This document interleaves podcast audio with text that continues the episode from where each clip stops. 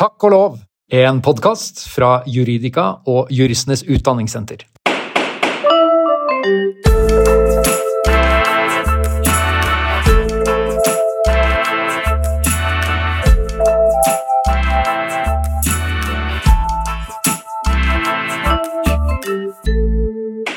Hei og hjertelig velkommen til nok en episode av Takk og lov, en podkast for deg som lurer på hvordan jussen, og kanskje også juristene, og i denne episoden også jusstudentene, egentlig henger sammen.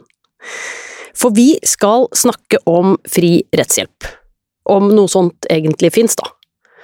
Det er jo et evig aktuelt tema, men nå er det også aktualisert av en lovproposisjon fra i sommer om endring av rettshjelpsloven.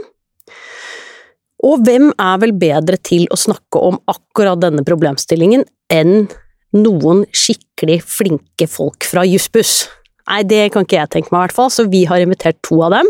Karoline Otterdal, Yes. Hei, du er rådgiver i Jussbuss. Ja, det stemmer. Veldig hyggelig å ha deg med. Ja, takk for at vi fikk komme. Og Eskil Vik Urdal, som er daglig leder av Jussbuss. Det er helt riktig. Veldig bra. Velkommen til deg også. Takk for det. Kan ikke dere bare Aller først må vi ta noen fun facts, da. Det har dere sikkert gruet dere til. Noe artig faktum. Um, men når vi har gjort det, så vil jeg gjerne høre litt om Jussbuss, for det er sånn alle burde vite hva er. Alle har kanskje en fornemmelse, men ikke vet helt hva dere driver med, så det må vi bare komme innom. Men um, til dette artige faktum, da. Vi må jo bli kjent litt grann med dere. Uh, Jeg skal ikke gå dypt inn i biografien deres, men eh, stemmer det, Karoline, at du har drevet vaffelrestaurant på Stryn? Det stemmer. det var jo en veldig hyggelig fun fact. Jeg har vært litt nervøs for det her, for jeg skjønte at det har vært en snakkis på kontoret. Vi Men, fikk eh, nemlig ganske mange ganske kjipe om deg. Nei da, vi gjorde ikke det. Det er bra du har valgt ut den beste, ja. Hvordan, var det, hvordan kom dette i stand, dette eh, vaffelprosjektet? Foreldrene mine driver et eh, gammelt trehotell i Stryn, og så har vi en låvåg som ikke har vært brukt til noe. Hvilken, da, hvilket hotell er dette? det heter Visnes hotell Visnes hotell. fra Ja. 18, eh, 1800-tallet. Oi, så fabelaktig. Og dette holder i hevd. Ja, det er veldig koselig, så da blir det litt reklame for deg. Ja, men det må vi kunne reklamere for. Det, og der laget du en vaffelrestaurant i tilknytning til hotellet, eller? stemmer i den loven som jeg drev på sommeren som en sommerjobb. Så da hadde jeg en litt sånn side hustle der. Det var da du ble glad i loven og begynte å studere Ja. juss? Ja. Skjønner. Ja, det er veldig bra. Ok, og du, Eskil. Eh, du har ja, Jeg ser jo nå at du er en veldig kjekk kar. Jeg har ikke liksom, sett ordentlig på deg for nå, men du har nemlig vært eh, reklame... Du har vært på en reklameplakat i Boston. Ja, Stemmer dette? Ja, det er helt riktig. Er- Dette var starten på din Um, modellkarriere? Eh, Tja, eh, ikke helt. Dette var i 2011-2012, eh, da jeg bodde i Boston sammen med familien min. Og så var vi på et sånn opphold på en, en liten hytte oppe i fjellene i nærheten av, av Boston. Eh, og så var det en fotograf der som var og tok noen bilder.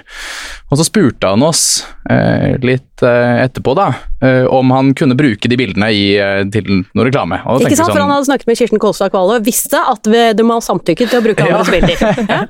Så det sa vi ja til, og, tenkte ikke noe mer over det. Det var en, en, en fotograf som jobbet eh, på egen hånd og eh, ikke hadde noe særlig tilknytning til noen store eh, selskaper eller byråer. Og så plutselig så dukket det opp store bilder av meg på alle T-banene i hele Boston-området. Hva var det du reklamerte for? Nei, det var jo denne hytta, da. Dette, dette stedet som vi hadde vært på. Så det var, var en reklame som kom til dette utrolig fine stedet i White Mountains i, i Boston. Og så var det et svært bilde av meg som løper på en, en eng. Oi, dette er Mm. vakkert, da. Der de andre kommer hjem med diplom fra Harvard, kommer du hjem med reklameplakat fra White eh, Mountains. Ja, det er helt riktig. Er Så vi har en, har en liten sånn pamflett av det med det bildet på som henger i gangen hjemme. Ja, Den håper jeg. Den må dere jo bruke som sånn reklamemateriell på Jussbuss òg, da. Ja, kanskje vi skal gjøre det. Ja, nydelig. Ok, ørlite grann om Jussbuss. Uh, hvor mange er dere, hvordan startet Jussbuss, hvor lenge har dere holdt på, hva gjør dere for noe? Vi har jo et studentdrevet rettshjelpstiltak eh, så, som startet i 1981, så vi er litt over 50 år gamle og har drevet med dette en stund nå. Vi er 36 medarbeidere til enhver tid. Det er 12 stykker på hvert kull, og så ansetter vi da 12 nye hvert semester. Hvert kull har dere fra alle årene på jussen? Eh, Ja, eller man må ha gjort ferdig eller gått ferdig andre året, Ja. og så kan man søke seg til oss, eh, og så får man da 30 studiepoeng som da erstatter disse valgfagene på femte året. Nettopp. Eh, Så det er fra forskjellige steder i studieløpet, men så kommer man jo veldig inn i det med en gang, egentlig uavhengig av hvor man er i studieløpet. For veldig mye av det vi jobber med er sånn som man ikke får noe særlig innføring i eh, på studiet. Altså, vi driver med juss som det er veldig få andre som driver med. Det var i grunnen min følelse da jeg gikk ut fra studiet også og begynte å jobbe. Det var sånn, Ja. Men dette har jeg ikke lært noe om, hva Ja. skal jeg gjøre her? Ja. Nei, det, det, Den følelsen får man jo veldig i Jussbuss også. da Man får veldig god opplæring eh, veldig fort, eh, og så blir man skikkelig flink på noen rettsområder som det er veldig få andre som kan noe om. da. Hvilke rettsområder er det særlig dere jobber med? Vi, har, eh, vi er delt opp i fire grupper som vi har valgt ut ifra, eh, der vi ser at det er et stort behov for rettshjelp og saker som har stor velferdsmessig betydning. Så da har vi en gruppe som jobber med sosial arbeid og trygd, eh, en som jobber med husleie og gjeld, eh, en som jobber i fengselsrett, som Eskil har jobba i tidligere, og en som jobber med utlendingsrett, som er den gruppa jeg er saksbehandler i nå. Så da jobber vi ett år fulltid i de gruppene, og så er det et halvt år deltid etter det. Ja, mm. det hørtes ut som det var relativt aktuelle områder alt sammen, ja. Mm. Absolutt, eh, men det er jo sånn som, som vi kommer til å snakke om etterpå, områder som ikke er dekket av eh, rettshjelpsordningen, og som det ikke er noe særlig penger i. Eh, Det er veldig mange klienter som ikke har veldig mye midler, og som har vanskeligheter med å eh, betale for advokathjelp, og da kan de komme til oss for å få hjelp innenfor de områdene der, da. Så det er sånn vi på en måte velger ut hvilke rettsområder vi skal jobbe med til enhver tid. Der hvor det er behov, det som ikke er dekket av andre, og det som ingen får dekket noe til. Ja, så vi prøver på en måte å utfylle det rettshjelpsordningen som er ellers, da. Ja. Mm. Og ja, rettshjelpsordningen som er ellers, hva slags rettshjelpsordninger er det egentlig som fins, bare for å sirkle oss inn mot dagens tema? Man har en rettshjelpslov i Norge i dag, der hvor man kan få hjelp innenfor enkelte type saker. Eh, Den er begrenset på to måter. Den er først og fremst begrenset økonomisk, altså man må tjene under et visst eh, beløp for å kunne bli dekket av den og få frihetshjelp.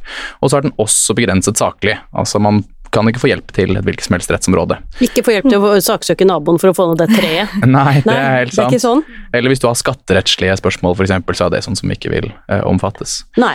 Um, og den er begrenset ganske mye på begge disse måtene, altså både økonomisk og saklig.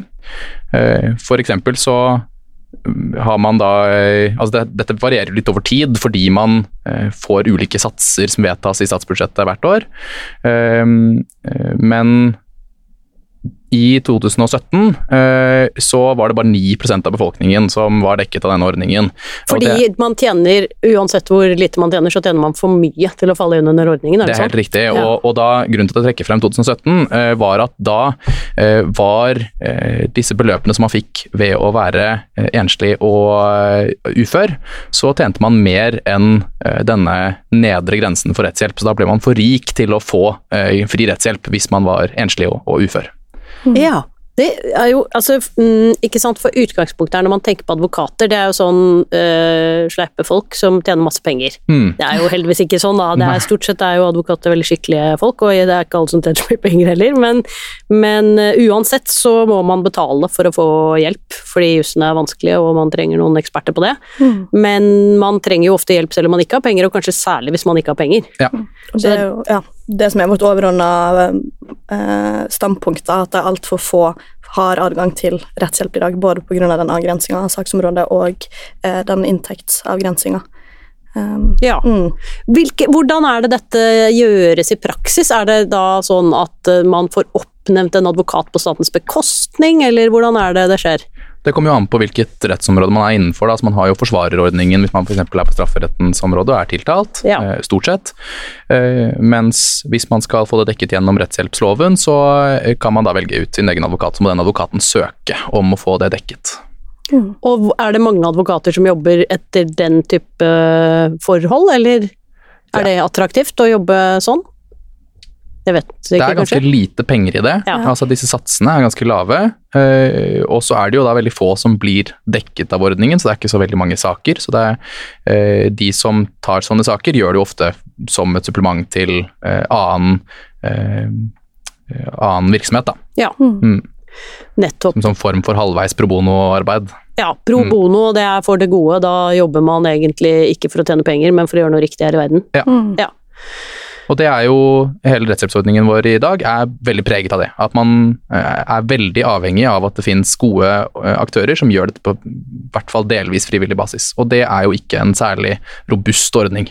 Nei, og det er jo litt sånn hvis du tenker på rettsstatens eh, hva skal vi si, legitimitet, så er Mm. vel det egentlig at alle borgere har likhet for loven, men det blir jo en slags illusjon da, når det er veldig mange som egentlig ikke har råd til å skjønne hva loven ordentlig går ut på. Mm. Og dette er jo også menneskerettighetsfestet, altså i artikkel 6 i menneskerettskonvensjonen, eh, at man skal ha rett til en rettferdig rettergang. Da. Ja. Eh, er jo en del av det er at man eh, uavhengig av økonomisk, økonomiske forutsetninger får prøvd sakene sine. Mm. Det, ja, det er jo problematisk at det i dag er opp til økonomiske forhold om man har mulighet til å hevde rettighetene sine, og ikke om man har rett i lovens forstand. Da. Ja, det høres jo ut som et slags eh, brudd på retten til rettferdig rettergang, det. Mm. Mm. Eller i hvert fall likebehandling og eh, alle grunnlag for rettsstaten, for så vidt. Mm.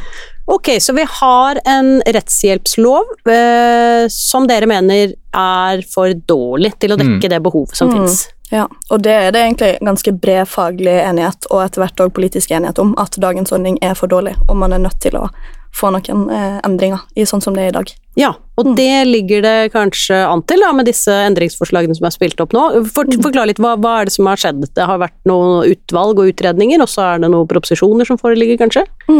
Det kom jo en NOU i 2020 eh, der eh, de har foreslått å reformere hele rettshjelpsordninga og komme med en ny rettshjelpslov, eh, så vi har jo venta ganske spent på oppfølginga av den.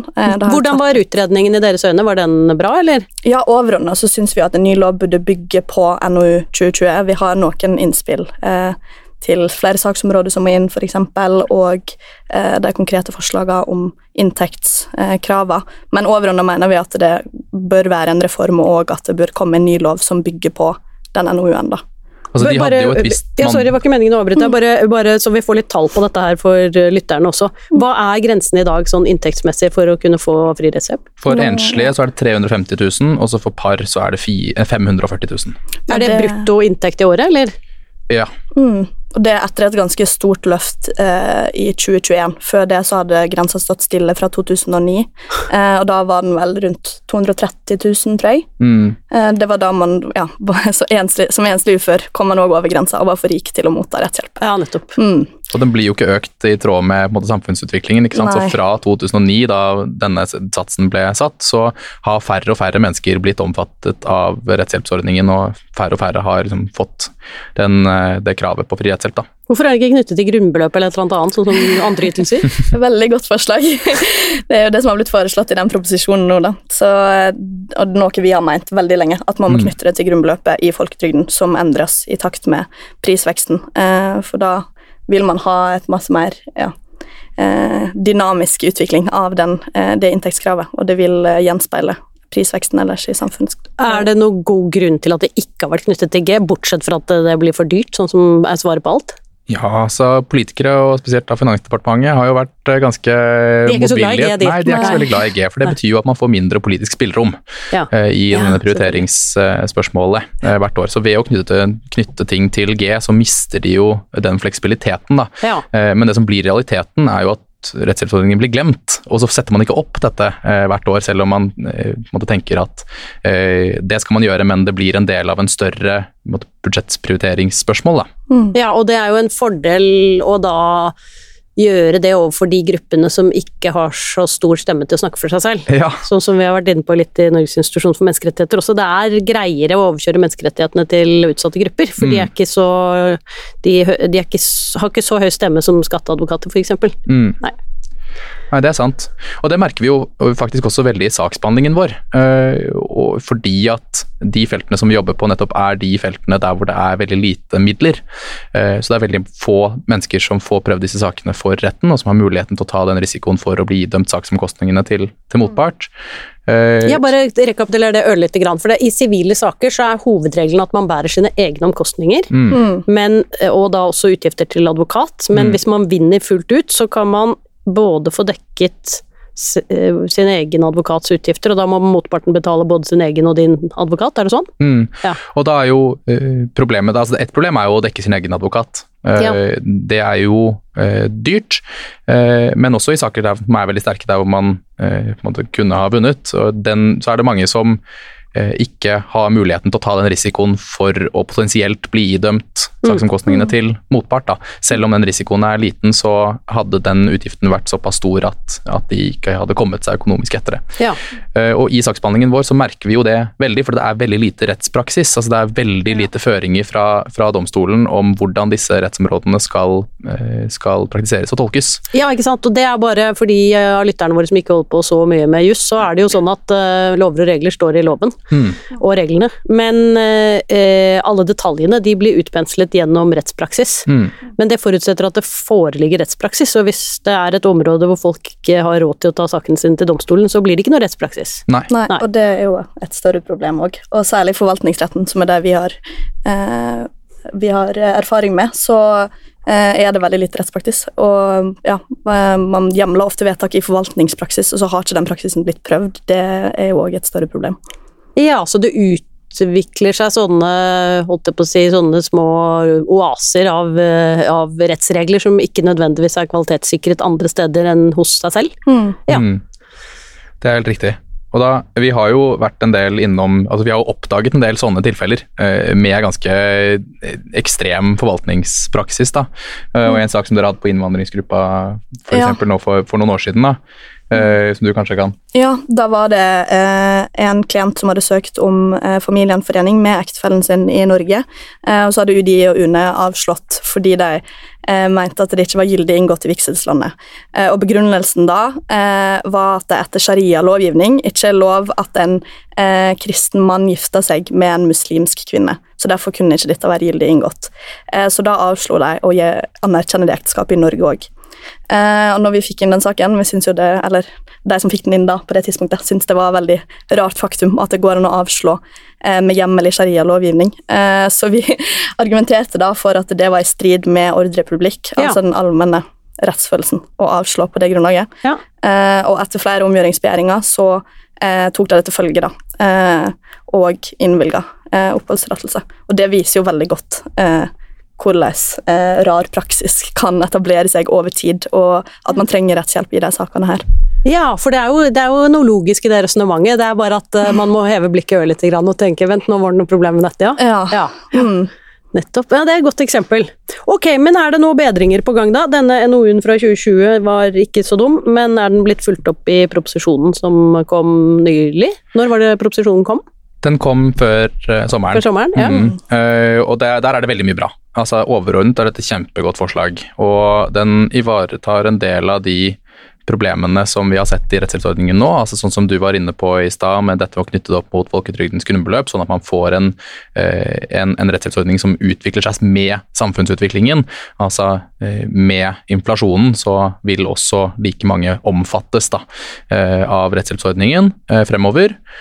Og så får man også en mer rettferdig fordeling av rettshjelpen, fordi at man kommer til å få en, eh, en ordning der hvor man opp til fem ganger folketrygdens grunnbeløp, som nå om dagen ligger på litt over eh, 550 000, eh, så kommer man eh, til å få høyere egenandel jo nærmere den grensa på 5G man er. Ja, sånn ja. Ja. Mm. sånn at jo mindre man tjener, jo lavere prosent av eh, den rettshjelps... Eh, eller utgiftene til rettshjelp da kommer man til å måtte stå for selv. Så det er både en heving av den eh, si, inn, inngangsterskelen, og eh, i tillegg, eller senking, alt ettersom, og i tillegg en gradering ut fra hvor lite du tjener. Ja, Ja. og det er veldig gode eh, forslag. Og så kommer jo de faktiske satsene og hvor store disse egenandelene blir, kommer til å bli fastsatt i en forskrift på et senere tidspunkt. Så det vet vi ikke noe om nå, Nei. hvor store kommer til å bli. Og det er veldig viktig for hvordan denne rettshjelpsordningen kommer til å se ut, og hvor godt forslag dette egentlig er, om de egenandelene blir store. Og så er vi òg opptatt av det her er jo bare en oppfølging av det økonomiske eh, aspektet med NOU-en, eh, men at resten av NOU-en òg må følges opp når det gjelder sakstyper. Ja, hvilke Eh. sakstyper er det som er foreslått tatt inn som ikke dekkes nå? Og som Eh, Ja, det er jo f.eks. utvisning etter straffeloven, eh, som ja, i dag skiller man på utvisning på grunnlag av eh, brudd på utlendingsloven og straffeloven. Der utlendingsloven så får man rettshjelp, men Ta, ikke ta, ta to eksempler. Ett eksempel fra hver eh, mulighet for å bli utvist. Hva er det som skal til? Hvis du har kommet til Norge og gitt uriktige opplysninger, da blir du utvist etter utlendingsloven. Da Ja. har du rett på eh, rettshjelp og å få en advokat i saken din. Men hvis du har ja, stjålet en sjokolade på butikken, som kanskje er det, Er det, er det, så det all, de helt banale type det som kvalifiserer til straff, ja. Ja. er Og da, det hvis, okay. ok, og Mm. da kan du utvises Ja. hvis du har gjort deg skyldig til straff. Mm. Ok. Og få et innreiseforbud, enten ja, fem år eller varig òg, kan det jo være. Og det kan jo òg innebære varig familiesplittelse, selv om det er brudd på straffeloven. Så vi mener jo at det, det her er saker som har like stor velferdsmessig betydning, og virkningen vil jo være den samme. Det er bare grunnlaget som er forskjellig, da. Så det Ja. er vi veldig opptatt av at skal komme inn. Ja. Um, Mm. Og dette er utrolig inngripende overfor enkeltpersonen. altså Utvisning er kjempeinngripende, så det er, er så viktig for uh, de enkelte å få, uh, få hjelp til å se på, på en måte, de vurderingene som er gjort, da, og se at de faktisk er, eh, er, er på en måte godt gjennomført. Da. Mm. Så mener vi òg Det som er foreslått, er at utbetaling av lønn og feriepenger eh, skal komme inn som eh, et prioritert område, og saker om avslag på sosialstønad. Så det òg er vi veldig enig i at burde inn i ordninga, som ikke er der i dag, da. Hvis man eh, ikke har fått utbetalt lønn eller feriepenger, så bør det være et område som man kan få hjelp til. Mm. Ja. Og det, det ser vi jo at det er et stort problem òg. Eh, vi har jo en egen gruppe som jobber Ok, hvor- Forklar meg litt om det, for det kjenner jeg ikke til. Hva, hva, skjer? Man har en arbeidsavtale, eller man har kanskje ikke noe ordentlig arbeidsavtale, eller hva er det som gjør at man plutselig ikke får det man har krav på når man jobber? Det er at arbeidsgiver ikke betaler ut pengene som du har krav på, da, enten om det er timer som du har jobbet, eller om det er feriepenger f.eks. Ja. Eh, og så eh, gir det jo det gir jo ganske god mening at uh, hvis man da ikke får den lønna som man har krav på, så har man jo selvfølgelig ikke råd til å betale for advokat Det høres nødvendigvis. ut som win-win for arbeidsgiver, ja. ja, ja, ja. dette har jo blitt kriminalisert nå også. Altså, nå er det jo blitt ulovlig å, å drive med, med lønnstyveri. Eh, Ja. Det burde det jo selvfølgelig vært tidligere også, men eh, det har jo vi sett gjennom vår eh, saksbehandling at ikke i tilstrekkelig grad har funket. Uh, altså det er fortsatt veldig veldig mange som, uh, som eh, blir utsatt for lønnstyveri, og som ikke får krevd inn de, den lønna som de har krav på. Mm. Og den innkrevningsmodellen som man har i Norge i dag, er kjempeavansert. Den er jo veldig vanskelig for mange jurister også, så for arbeidstakere til å stå alene i dette her, det, det er utrolig krevende. Og så er det jo et skjevt maktforhold fra før ofte òg, eh, å stå som arbeidstaker mot arbeidsgiver. Eh, så ja. Ja, det skjønner jeg. Eh, ok, ja, men det var klargjørende, for dette jeg var ikke klar over at dette var et stort problem engang. Er det andre rettsområder som burde inn, som ikke er nevnt i proposisjonen? Vi var litt, ja, litt inne på det med ID-tyveri i stad. Ja, hva er det, det igjen? er et økende problem. Eh, at man eh, kan bli svindla eh, gjennom bank-ID, f.eks. Eh, Ja. Mange eldre som blir utsatt for det. Det er jo den Olga-dommen som er Ja, vi hadde jo Marte Eidsson Kjørben her i podden Ja. for en del episoder siden, som fortalte litt om dette. Der var det et samarbeid mellom de som forsker på dette på fakultetet, og er det dere i Jussbuss, eller? Ja, det er helt riktig. Eh, Vi sammen med Juridisk rådgivning for kvinner og Gatejuristen har dannet et rettshjelpstiltak som heter ID-juristen. Og eh, ID-juristen de eh, behandler da en del ID-svindelsaker, altså gir rettshjelp i ID-svindelsaker. Og så eh, er den dataen da som blir samlet inn eh, gjennom vår saksbehandling, den brukes da som grunnlag for den forskningen som gjøres på universitetet. da. Er jo nydelig. Mm. Det er jo forskning og undervisning og alt som går opp i en høyere enhet her. Absolutt. og Og det er, vi har jo fire målsetninger i Jusbu. så Det ene det er å gi, altså, gi rettshjelp i enkeltsaker. Det er saksbehandlingsbiten. Eh, og så har vi forskningsmålsetningen, som, som du var inne på nå. Der hvor eh, man gjennom saksbehandlingen skal avdekke på en måte, hvor stort dette rettshjelpsbehovet faktisk er. Eh, hvor mange er det som trenger rettshjelp, hvilke områder er det man eh, trenger rettshjelp på. Eh, og Det gjør jo at man da kan bruke den erfaringen til å drive med politikk, som er den tredje målsetningen vår. Og da bruker vi den saksbehandlingen eh, som vi driver med, til å komme med innspill til politikerne om f.eks. hvordan ny rettshjelpslov bør utformes. da. Ja, det, altså Dere er jo et vandrende eller rullende, eller hva skal vi si, argumenterende kinderegg. ja. Det er nydelig. Det var en utredning hos Justisdepartementet også, om en sånn slags førstelinjegreie for eh, rettshjelp. Kan ikke dere forklare litt om det? Mm. Eh, En stor svakhet med NOU-en som kom i 2020, som både vi i Jussbuss og flere høringsinstanser påpekte, var at det ikke var utreda nærmere om man burde opprette en sånn førstelinjetjeneste for rettshjelp. Hva betyr det? Eh, Det blir ofte sammenligna med fastlegeordninga. Det er en ganske god sammenligning. Ja. eh, da Du har ett sted å forholde deg, liksom? ja, det, du skal oppsøke en generalist, og så kanskje bli henvist videre til en spesialist. Fastadvokatordningen? Ja, Nydelig. Ja. så ja, det er en sånn enkel måte å forklare det på. Eh, og den eh, utredninga som har kommet, som har blitt skrevet av to tidligere ledere av Jussbuss, eh, syns vi er veldig god eh, og beskriver problemet som vi ser i saksbehandlinga i dag, på en veldig god måte. Og de anbefaler da å opprette en landsdekkende førstelinjetjeneste, der man kan få opptil en time gratis bistand fra en advokat. Har dere vært innom Finansdepartementet og funnet ut hvor mye det koster, eller?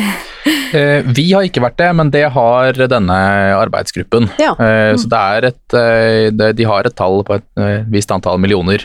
Eh, Men det er ikke noe uoverkommelig sånn Nei, jeg husker ikke akkurat tallet i hodet, jeg lurer på om det er rundt 170 millioner. Eh, Men det som også eh, er ganske klart, det er jo at ved å få på plass en sånn lavterskel ordning der hvor man kan komme og løse sakene sine på et veldig lavt nivå, så vil jo det være veldig konfliktdempende i samfunnet generelt.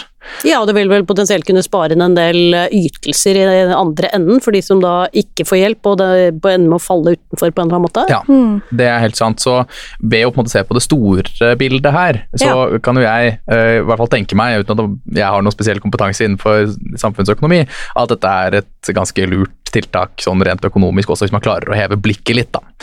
Det er vel ofte det som er vanskelig når eh, Ja. den politiske horisonten er fire år, eller? Mm. Ja. Det er helt sant. Men uh, dette med førstelinje, uh, det å ha et sånt sted uten noen form for egenandeler, der hvor man kan komme inn, få rask hjelp, uh, og så eh, sannsynligvis da få løst saken sin ganske raskt, eh, er også helt avgjørende for at den rettshjelpsordningen og de endringene som kommer i rettshjelpsordningen nå blir bra. Da. Altså Man må se dette i sammenheng med det vi snakket om i stad, om eh, endringer i rettshjelpsloven. Eh, og også hvilke tiltak som skal inn, da. både den økonomiske prøvingen og eh, den saklige begrensningen. Så Det er jo totalen her som er viktig. Mm. ja, ja, det er klart det. Det er jo Ok. eh, hva annet nå, Det er vel kanskje noen sånne budsjettforhandlinger nå. Hvordan er det Det ligger vel an til en betydelig økning her, i og med at staten skjønner at veldig mange flere havner i juridiske problemer fremover og trenger fri rettshjelp. Er det sånn det ligger an i budsjettet, eller hvordan er det? Men de har faktisk eh, valgt å kutte i den potten som går til spesielle rettshjelpstiltak, sånn som Jussbuss og JURK og Gatejuristen. Det- Ja, for det er mindre behov for dere nå, eller hva? Det er det jo absolutt ikke. Nei. Jeg vet ikke begrunnelsen for hvorfor de har valgt å kutte, eh, men det viser jo veldig klart hvor uforutsigbart det er med den ordninga som er i dag, der vi og andre frivillige organisasjoner eh, fungerer som en førstelinje, eh, og som er avhengig av økonomisk eh, bistand hele, hele veien. Og ja, det er veldig uforutsigbart fra år til år å ikke vite om man får penger eller ikke. Ja, det er klart det. Hva er kuttene på, eller hvordan ligger det an? Hva er budsjettene sånn som det har vært, og hvordan blir de, eller er de foreslått? Det settes av en total pott på 69 eller I fjor så ble det satt av en total pott på 69 millioner til alle de spesielle rettshjelpstiltakene, og det gis da til sivilrettsforvaltningen, som har ansvar for å fordele det videre. Kan man søke seg på den, til den potten hvis man driver med rettshjelp. Det er dit dere søker, og de andre søker. Ja, det, og Gatejuristen. ja. Tidligere fikk vi jo en egen øremerket post på statsbudsjettet, og det var veldig mye bedre for oss fordi at det ga oss en, eh, altså veldig mye mer forutberegnelighet. Eh, sånn som ordningen er nå, så søker vi om støtten for 2024 i desember, og så får vi vite det eh, en gang i løpet av neste år. Vi vet ikke når vi i løpet av 2024 får vite hvor mye støtte vi får for 2024. Men Det er en ganske håpløs løsning. Men eh, man søker seg i hvert fall til denne totale potten, som i fjor var på 69 millioner, og nå er den satt til 67. Eh, så i en dyrtid og med kjempestor inflasjon, så har de også valgt å gå ned på den totale summen. Så selv en videreføring av de 69 hadde jo vært i realiteten et ganske stort kutt, da. Eh, og det kommer til å føre til ganske harde prioriteringer hvis det blir eh, vedtatt, da. Så det, det er jeg veldig spent på hvordan det kommer til å, å se ut, og håper eh, veldig på at, det, at man får reversert det da, Ja. i forhandlingene om budsjettet. Ja, det skjønner jeg. Det, dette hørtes jo helt eh, ødeleggende ut, potensielt, egentlig. Ja, Det er helt håpløst. Um, vi får sette vår lit til at uh, dette er et ledd i det store budsjettspillet som ingen av oss gjennomskuer, og krysser fingrene for at det blir et bedre utfall enn det det er skissert. Ja. Mm. Ja. Fordi at realiteten i det, hvis vi må kutte, er jo at dette her går utover de aller mest utsatte gruppene i samfunnet. Altså de som ikke har noe annet sted å henvende seg, som ikke har rett på advokat, eh, og som blir stående uten noe rettshjelp. da. Altså For noen så handler jo dette her om å eh, velge bort den dyre osten, ikke sant, nå som det er stor inflasjon i samfunnet. For andre så handler det om å ikke få hjelp i sakene sine når man blir kastet ut av utleier, eller eh, blir sagt opp ulovlig, eller eh, eh, man blir frastjålet pengene sine av eh, arbeidsgiver. Mm. Det er forskjell på osten og hele musehullet, si. Det er noe med det. Eh, en kort appell fra dere begge til slutt, før vi går over til en historie som dere skal få lov å dele, hvis dere har tenkt på noen. er det en appell Det ligger jo i kortene her eh, at man ønsker seg bedre ordninger for eh, fri rettshjelp, men noen, noen budskap eller noe dere har lyst til å sende ut over eteren mens dere har den? Ja, Det er jo veldig viktig at man er klar over at det er forskjell på å ha rett og få rett. og Sånn som ordninga er i dag, så er det i altfor stor grad opp til eh, den økonomien man har, om man har mulighet til å hevde rettighetene sine. og Derfor er det viktig å være opptatt av rettshjelp og hvordan den ordninga blir utforma videre nå. da. Mm. Ordningen er altfor skjør. Den kan ikke basere seg på at uh, jusstudenter uh, med gode intensjoner skal yte denne hjelpen frivillig. Det er jo Jussbuss sitt, uh, sitt første mål. at man skal gjennom å drive politisk arbeid klare å komme til et punkt der hvor jusbuss ikke lenger er nødvendig. Altså Det er selvutslettelse som er vårt mål nummer én da, på sikt. Det er vakkert, og da fikk vi rundet dette her tilbake til en veldig Det ble en ganske rar loop, egentlig, men jeg eh, Det var én ting Jeg visste ikke hva jeg skulle bli da jeg studerte jus. Det eneste jeg var helt sikker på, var at jeg ikke skulle bli forretningsjurist. Mm. Så det ble jeg. Um, og da jeg satt i prosedyregruppen til advokatfirmaet Skjøtt, som jo er stort og veldig rikt firma, um, da skulle vi lage de første hjemmesidene til det firmaet. Vi hadde ikke sånne hjemmesider for hver gruppe. Og da var overskriften på den siden som jeg laget for eh, prosedyregruppa, det var 'det hjelper ikke å ha rett hvis ikke du også kan få rett'. Mm. Mm. Så um, en, eh, en loop fra det høyeste til det laveste og tilbake igjen der. Ja. Er det noen historier Det er jo sikkert mye ferdighistorier dere har vært borti, men er det noe dere noe, det, Og dere mener dere deler det også, men er det noe dere har tenkt at eh, vi, våre lyttere burde ha hørt? Ja, Du Eskil har jo en litt morsom en fra saksbehandlinga i fengselsgruppa. Ja, det er helt sant. Eh, Dette var høsten 2021. Altså, vi får jo inn ganske mye forskjellig eh, i Jussbuss. Eh, og dette var en sak som handlet om tilgangen til pornografi i fengsel. Ja, Eh, Er det en menneskerett? Eh, ja, ikke en menneskerett nødvendig. Kan det være men- det? Ja, kanskje. Ja. Eh, det var ikke helt den vinklingen vi eh, tok på det, fordi at vi hadde noe litt mer konkret, og det var et rundskriv fra eh, Kriminalomsorgsdirektoratet som gikk på en måte helt eksplisitt sa at man har rett til at man, man kan få pornografi innsendt da fra noen på utsiden av, av fengselet. Eh, få hjelp til det fordi at tilgangen er så veldig begrenset i fengselet. Og da Og det er var dårlig måte, med porno i fengsel. ja, det er ja. dårlig med porno i fengsel. Um, men da hvis det på en måte var forseglet på riktig måte og kontrollert av de riktige instansene som på en måte vanligvis kontrollerer den type medie, da, så eh, var det greit at man også skulle få tilgang til det i Ja, de har lov å sladde, har de det, eller? Ja, akkurat hvordan de prosessene er, det er jeg, Jeg veldig på. jeg skal ikke spore det. Jeg bare fikk så mange rare tanker i hodet. Ja, Men det var, det var en innsatt som ringte oss, og så spurte han hvordan dette her var. da, fordi at eh, I det fengselet han satt i, så hadde de begrenset veldig den tilgangen. Eh, og Så fant vi frem til dette rundskrivet, og så, eh, og så leste vi det opp for ham. Og så takket han for det, og skulle ta det opp med fengselet. Og så eh, hørte vi ikke noe mer fra ham på en måneds tid, eller noe sånt. Og da, han, da ringte han tilbake igjen, og så hadde han hatt en litt lengre utveksling med fengselet, der hvor de nektet å, å, å rikke, eh, selv om de hadde dette rundskrivet som helt eksplisitt sa at eh, sånn skulle praksisen i norske fengsler være. Og på det tidspunktet der så blir jo dette en veldig sånn stor prinsippsak for oss. Fordi at vi kan jo ikke akseptere at fengselet bare ignorerer et rundskriv eh, fra eh, Kriminalomsorgsdirektoratet. Det går jo ikke an. Altså, man må ha mer respekt for, eh, for de, de, rettighetene innsatte har eh, generelt. Eh, og dette med tilgang til porno, det likestilles jo da med alle andre typer rettigheter på den måten. Så da eh, skrev vi en henvendelse til fengselet basert på det som endte med å, at vi måtte først, først da snakke med fengselet, så med regionen i kriminalomsorgen, så til slutt med direktoratet. da.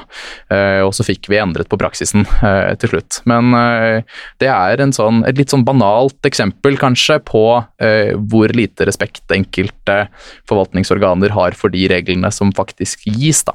Hva var begrunnelsen for å overkjøre rundskrivet, da? Nei, de var ikke noe glad i porno. Da, da, trengte de ikke å se på det rundskrivet. Det er en spennende ja. måte å praktisere regler på, ja. ja. ja. Og hvis det er et uttrykk for hvordan uh, respekten for andre regler er i fengselet, så står det jo ganske dårlig til. Og det viser jo også veldig klart hvor viktig det er med rettshjelp, da. Har du hørt? Det var en meget bra eksempel, vil jeg si. Levendegjøre. Man, man fikk eh, andre syn på eh, denne forestillingen enn, enn man hadde. Så vi er borti mye forskjellig. Alt fra eh, at man praktiserer shariarett i, i norsk rett, til Eh, saker om porno i fengsel. Ja, nei, jeg vil ikke anbefale praktisering av shariarett heller i forhold til porno i fengsel, tror jeg også man går dårlig ut da. ja, det hørtes eksplosivt ut. Veldig bra. Tusen takk skal dere ha for at dere ville komme og snakke om både Jussbuss og fri rettshjelp. Og så får vi bare krysse fingrene både for budsjetter og proposisjoner. Mm. Um, hvordan er tidsløpet fremover, vet vi det? Sånn uh, Proposisjonen er, har hatt en høringsfrist kanskje og skal videre? Ja, eh, det er det. Den behandles i komiteen nå. I justiskomiteen på Stortinget. Mm, akkurat. Så vi håper den er på plass før jul. Ja. er vel ja, det vi har. Så vi får se. Dette blir nok et arbeid som strekker seg over ganske mange år uh, mm. før man får en total en måte, renovasjon av uh, rettshjelpsordningen. Men uh, vi skal følge nøye med og kommer til å jobbe ganske aktivt med det fremover. Ja, Da er det bare å, å, vente i spenning på om vi får en fast advokatordning, eller hvordan dette ender opp. eh, og hvem som omfattes, og hva eh, satsene blir. Tusen takk skal dere to ha for at dere kom, og tusen takk til dere lyttere som var med oss gjennom nok en episode av Takk og lov. Takk for at du fikk komme. Tusen takk. Da er det tid for litt reklame. For det du nå, eh, takk og lov, har brukt litt av tiden din på, det er å høre på en podkast som jeg får lov å lage sammen med Juridika og Juristenes Utdanningssenter. Med oss på laget så har jo vi noen av de klokeste hodene i jussens verden, og de hjelper deg med å holde deg faglig oppdatert til enhver tid, og takk og lov for dem!